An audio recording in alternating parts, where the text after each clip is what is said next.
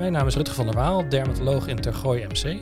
En ik ben Laura Kienhorst, ook dermatoloog in Tergooi. Welkom bij de Tergooi podcast. Mijn naam is Wenke Vasbender. Vandaag gaan we uitgebreid in gesprek met beide dermatologen over spataders. Wat is de reden waarom je arts bent geworden?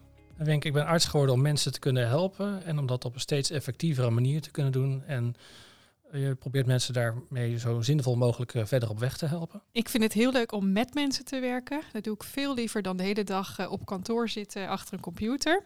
Helaas in de zorg eh, zitten we ook veel achter de computer. Maar met mensen werken maakt het ontzettend leuk.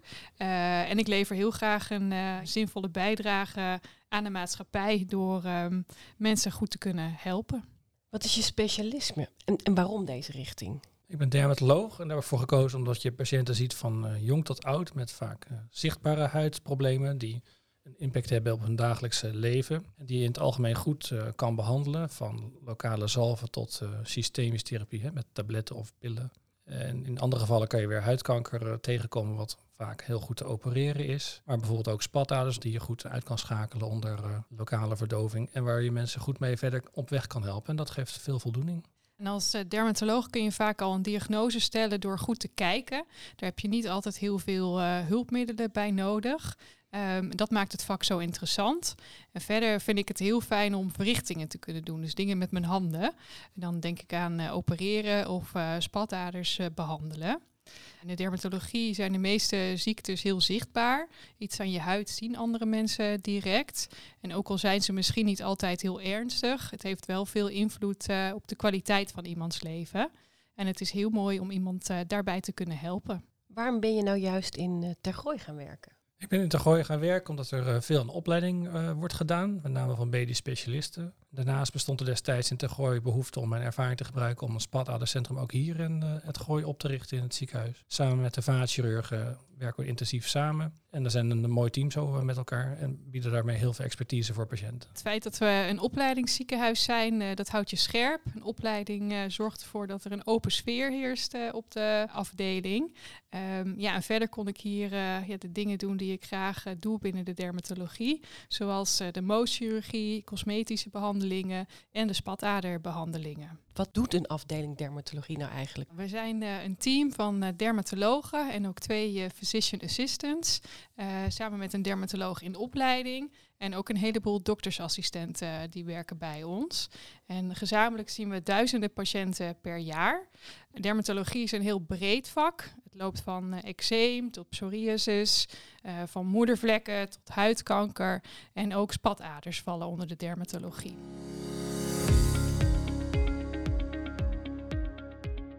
We gaan het vandaag hebben over spataders.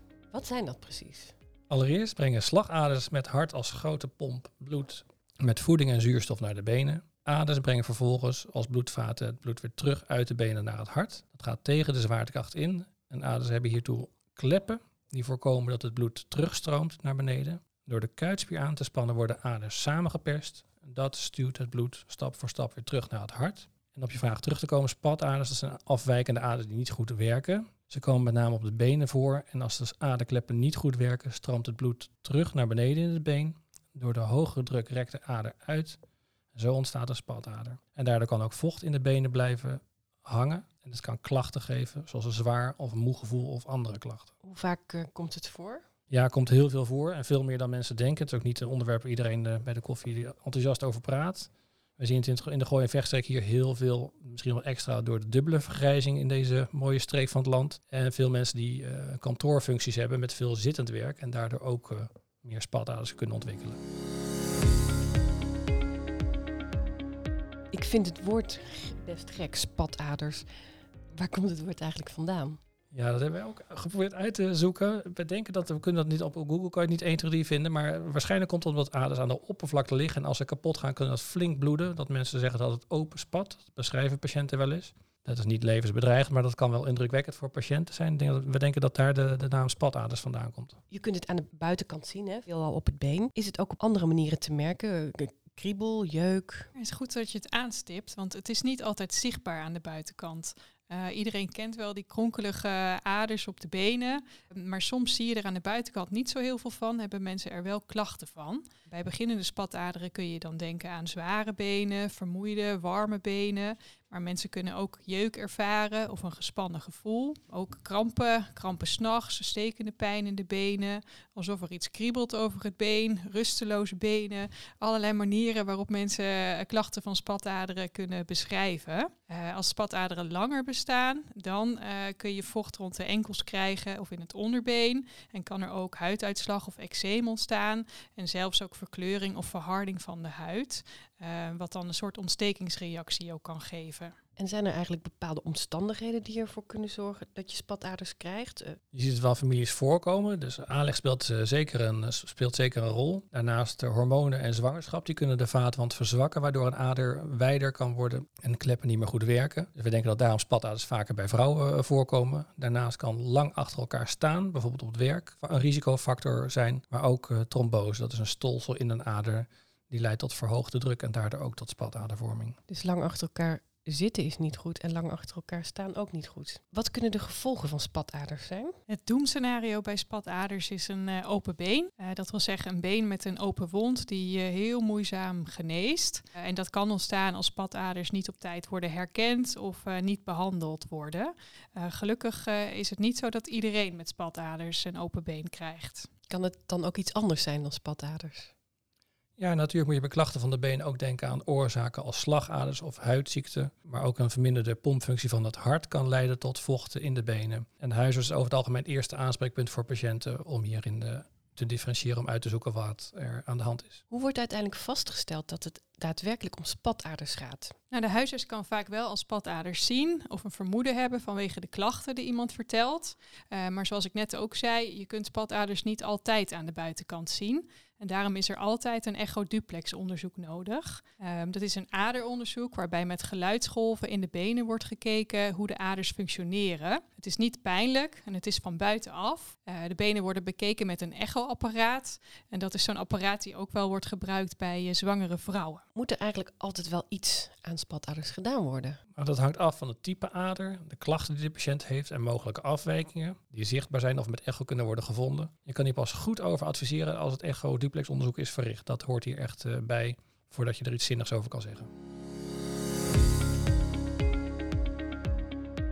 Welke behandelingen zijn er en heb je dan als patiënt iets te kiezen? Nou, vanuit uh, dermatologie werken we nauw samen met de vaatchirurgen in ons uh, in Tergooi. En we kunnen daar behandelingen bieden van zwachtelen tot het uh, van binnenuit verhitten van aders. Uh, soms ook chirurgische verwijdering of het inspuiten van aders, klerocompressietherapie. Ja, de keuzemogelijkheden die er zijn en die voor een patiënt geschikt zijn, die leggen we uiteraard aan de patiënt voor. Uh, maar pas na het echoduplex onderzoek is duidelijk ja, welke mogelijkheden er zijn. En ook of het vergoede zorg betreft. En als het onvergoede zorg is, dan kunnen we gelukkig mensen ook helpen in het ziekenhuis maar dat is dan in het uh, Esthetisch Medisch Centrum Gooi en Eemland. Hoe lang duurt zo'n ingreep? De meest voorkomende behandeling is het uitschakelen van spataders door ze van binnen te verhitten. Dit heet officieel endoveneuze coagulatie en betekent het van binnen dichtbranden van de spatader. Dat kan met een laser, een lampje, of met geluidsgolven en dan heet het de radiofrequente ablatie. De behandeldraad zendt daarbij hoogfrequent geluid uit en brandt daarmee de ader dicht. En ja, zo'n behandeling duurt meestal ongeveer een half uur. En in vergelijking met het chirurgisch strippen van vroeger is dit een veel minder vervelende behandeling, veel minder belastend. En dat gaat ook gepaard met een korte hersteltijd. En het resultaat is minstens zo goed. En daarnaast kan het ook polyklinisch, dus mensen hoeven daarvoor niet meer opgenomen te worden in het ziekenhuis. De behandeling heeft een moeilijk woord. Waar vindt die dan plaats? In de operatiekamer? Nee, gelukkig niet in een echte operatiekamer. Patiënten hoeven niet onder narcose. Um, het vindt plaats in een van onze ja, behandelkamers in het spatadercentrum.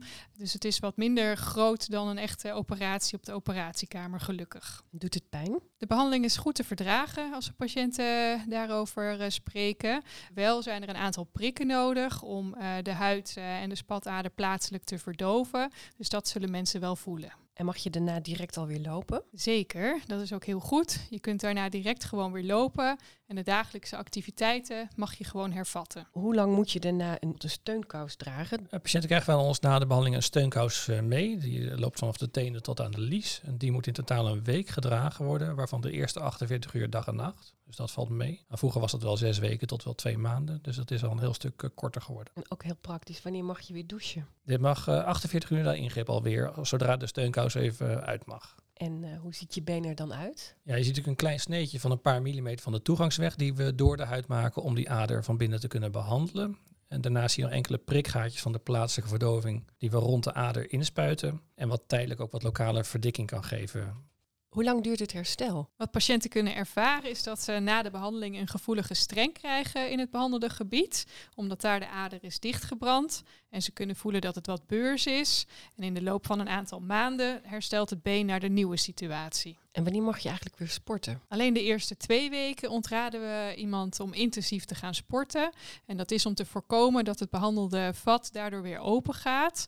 Maar normaal wandelen of normaal fietsen, dat is wel toegestaan. En hou je er eigenlijk uh, littekens aan over? Nou, meestal uh, blijft alleen het littekentje van de toegangsweg, dus een heel klein sneetje van ongeveer een halve centimeter uh, zichtbaar.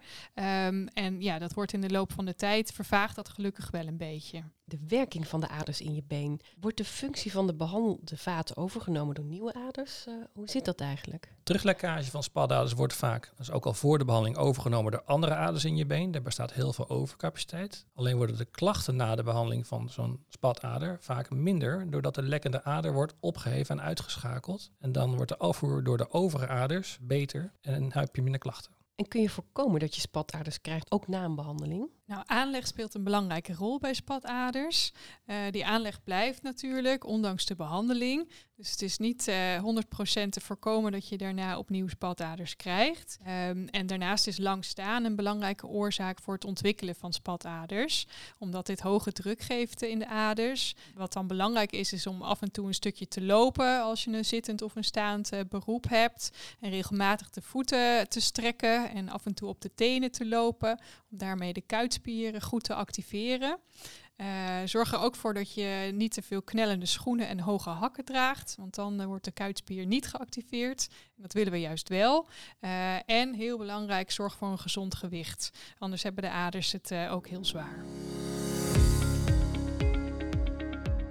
Heb je eigenlijk een voorbeeld van een verhaal over een patiënt waar je met extra voldoening op terugkijkt? Onlangs uh, zagen we voor intake iemand van middelbare leeftijd. Een meneer met weinig huidafwijking, maar wel zwaar gevoel in de benen. En die bleek twee grote spataders te hebben. En ja, hij, ja, ik zeg maar even hij, want uh, de spataders komen ook bij mannen voor. Dat is toch denk ik ook iets wat minder bekend is. Maar bij zijn huisarts in ieder geval aan moeten dringen op verwijzing naar ons spatadercentrum. Omdat de huisarts van buiten eigenlijk geen spatader zag. En de patiënt kon na de behandeling eigenlijk zijn geluk niet op. Hij was verlost van een heel naardrukkend zwaar gevoel in zijn benen. Hoefde geen kousen meer te dragen en was niet meer bang om een open been te kunnen ontwikkelen door langdurige spataders. Dus dat, ja, dat, dat is heel fijn. Is er eigenlijk ontwikkeling in de spataderzorg tussen vroeger en nu? Jazeker. Uh, vroeger was het chirurgisch strippen van de spataders de belangrijkste behandeling. Uh, daarbij werd dan de lekkende ader op de operatiekamer eruit getrokken en moest patiënten weken in het ziekenhuis liggen. Uh, ja, of we zagen mensen jarenlang om te zwachtelen, elke keer weer opnieuw, wat een enorme belasting was uh, voor de patiënt om steeds maar naar het ziekenhuis te komen voor die zwachtels. En met de huidige behandelingen is het gelukkig veel patiëntvriendelijker geworden Uh, de moderne technieken kunnen we vaak uh, gebruiken om veel sneller en veel eenvoudiger te behandelen.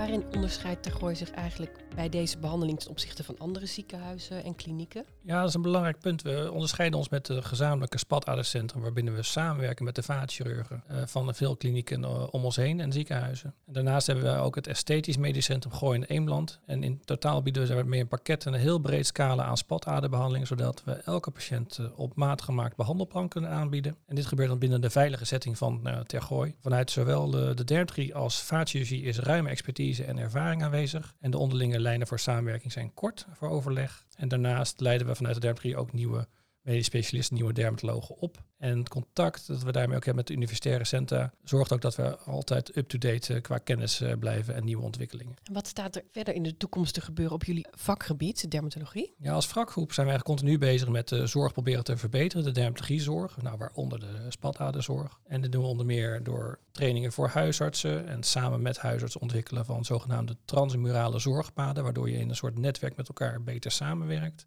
En met die kennis en aan de hand van die zorgpaden kunnen we voor iedereen duidelijk maken wie wanneer wat doet. Wat kunnen huisartsen zelf doen? Wanneer is verwijzing op zijn plaats? En dit uh, maakt eigenlijk onderdeel uit van of uh, draagt bij aan dat landelijk project de juiste zorg op de juiste plaats. Welke rol speelt een huisarts in dit proces? Een hele belangrijke. Ja, we ontwikkelen zorg continu in samenwerking met onze regionale huisartsen. En zo hebben we het afgelopen jaar ook een serie met gratis webinars voor de huisartsen ontwikkeld. En dat was dan op het gebied van uh, verdachte huidafwijkingen. En huisartsen kunnen die dan, uh, ja, als het hen uitkomt, uh, op elk moment van de dag terugkijken. En daar ook nascholingspunten voor krijgen. We hebben ook, zoals Rutger net al zei, voor huisartsen samen met huisartsen transmurale zorgpaden gemaakt. dat ging dan ook over huidkanker en voorstadia daarvan. En zo proberen we met elkaar bij te dragen aan de realisatie van netwerkzorg in onze regio. Waar wil je jezelf vooral op blijven richten? Nou, de zorg in Nederland is al van hoog niveau. Ik denk dat dat belangrijk is om te benadrukken. Zowel de zorg die huisartsen leveren als medisch specialisten. En we scoren als Nederland hoog op internationale lijsten voor goede zorg tegen relatief lage kosten. Nou, dat gezegd hebben, willen wij als vakgroep ons blijven richten op hoe we de zorg kunnen proberen te blijven verbeteren voor de patiënt. En we ontwikkelen momenteel meer en meer e-health toepassingen, gestimuleerd door uh, de COVID-situatie, om patiënten waar mogelijk digitaal te kunnen helpen. En dat scheelt mensen en hun partners of begeleiders onnodige tijd of belasting om naar uh, ons toe te reizen. En daarnaast, ja, Laura stipte net al even aan, we verzorgen veel onderwijs, ook voor huisartsen. En daarmee proberen de kennis vanuit de dermatologie ten dienste van de patiënt met hen te delen en het verbeteren. En dit draagt dus bij aan de juiste zorg op de juiste plek. Ten slotte, wil je nog iets kwijt? Bijvoorbeeld een spatadertip voor de luisteraar? Nou, dat is wel een leuke. Uh, als je een beroep hebt waarbij je veel staat, uh, denk aan uh, kapper of verpleegkundige, dan hebben je benen het heel zwaar te verduren. En je kunt dan overwegen, zeker als uh, spataders in je familie voorkomen, om preventief steunkousen te gaan dragen. En dan zul je s'avonds echt minder last hebben van een moe gevoel in de benen. Uh, tegenwoordig zijn die steunkousen in allerlei soorten en maten. Het zijn niet meer de kousen die je oma vroeger droeg, maar je hebt ze ook in leuke stippen of leuke kleurtjes. Dus helemaal niks om je voor te schamen. Kijk, dat is nou eens een praktische tip. Dankjewel. We hebben kunnen luisteren naar heldere uitleg. We weten nu bijna alles over spataders. Enorm bedankt voor jullie bijdrage hieraan. U luisterde naar een aflevering van de Tergooi podcast. We hebben nog veel meer afleveringen gemaakt. Bent u benieuwd? Ga dan naar tergooi.nl slash podcast.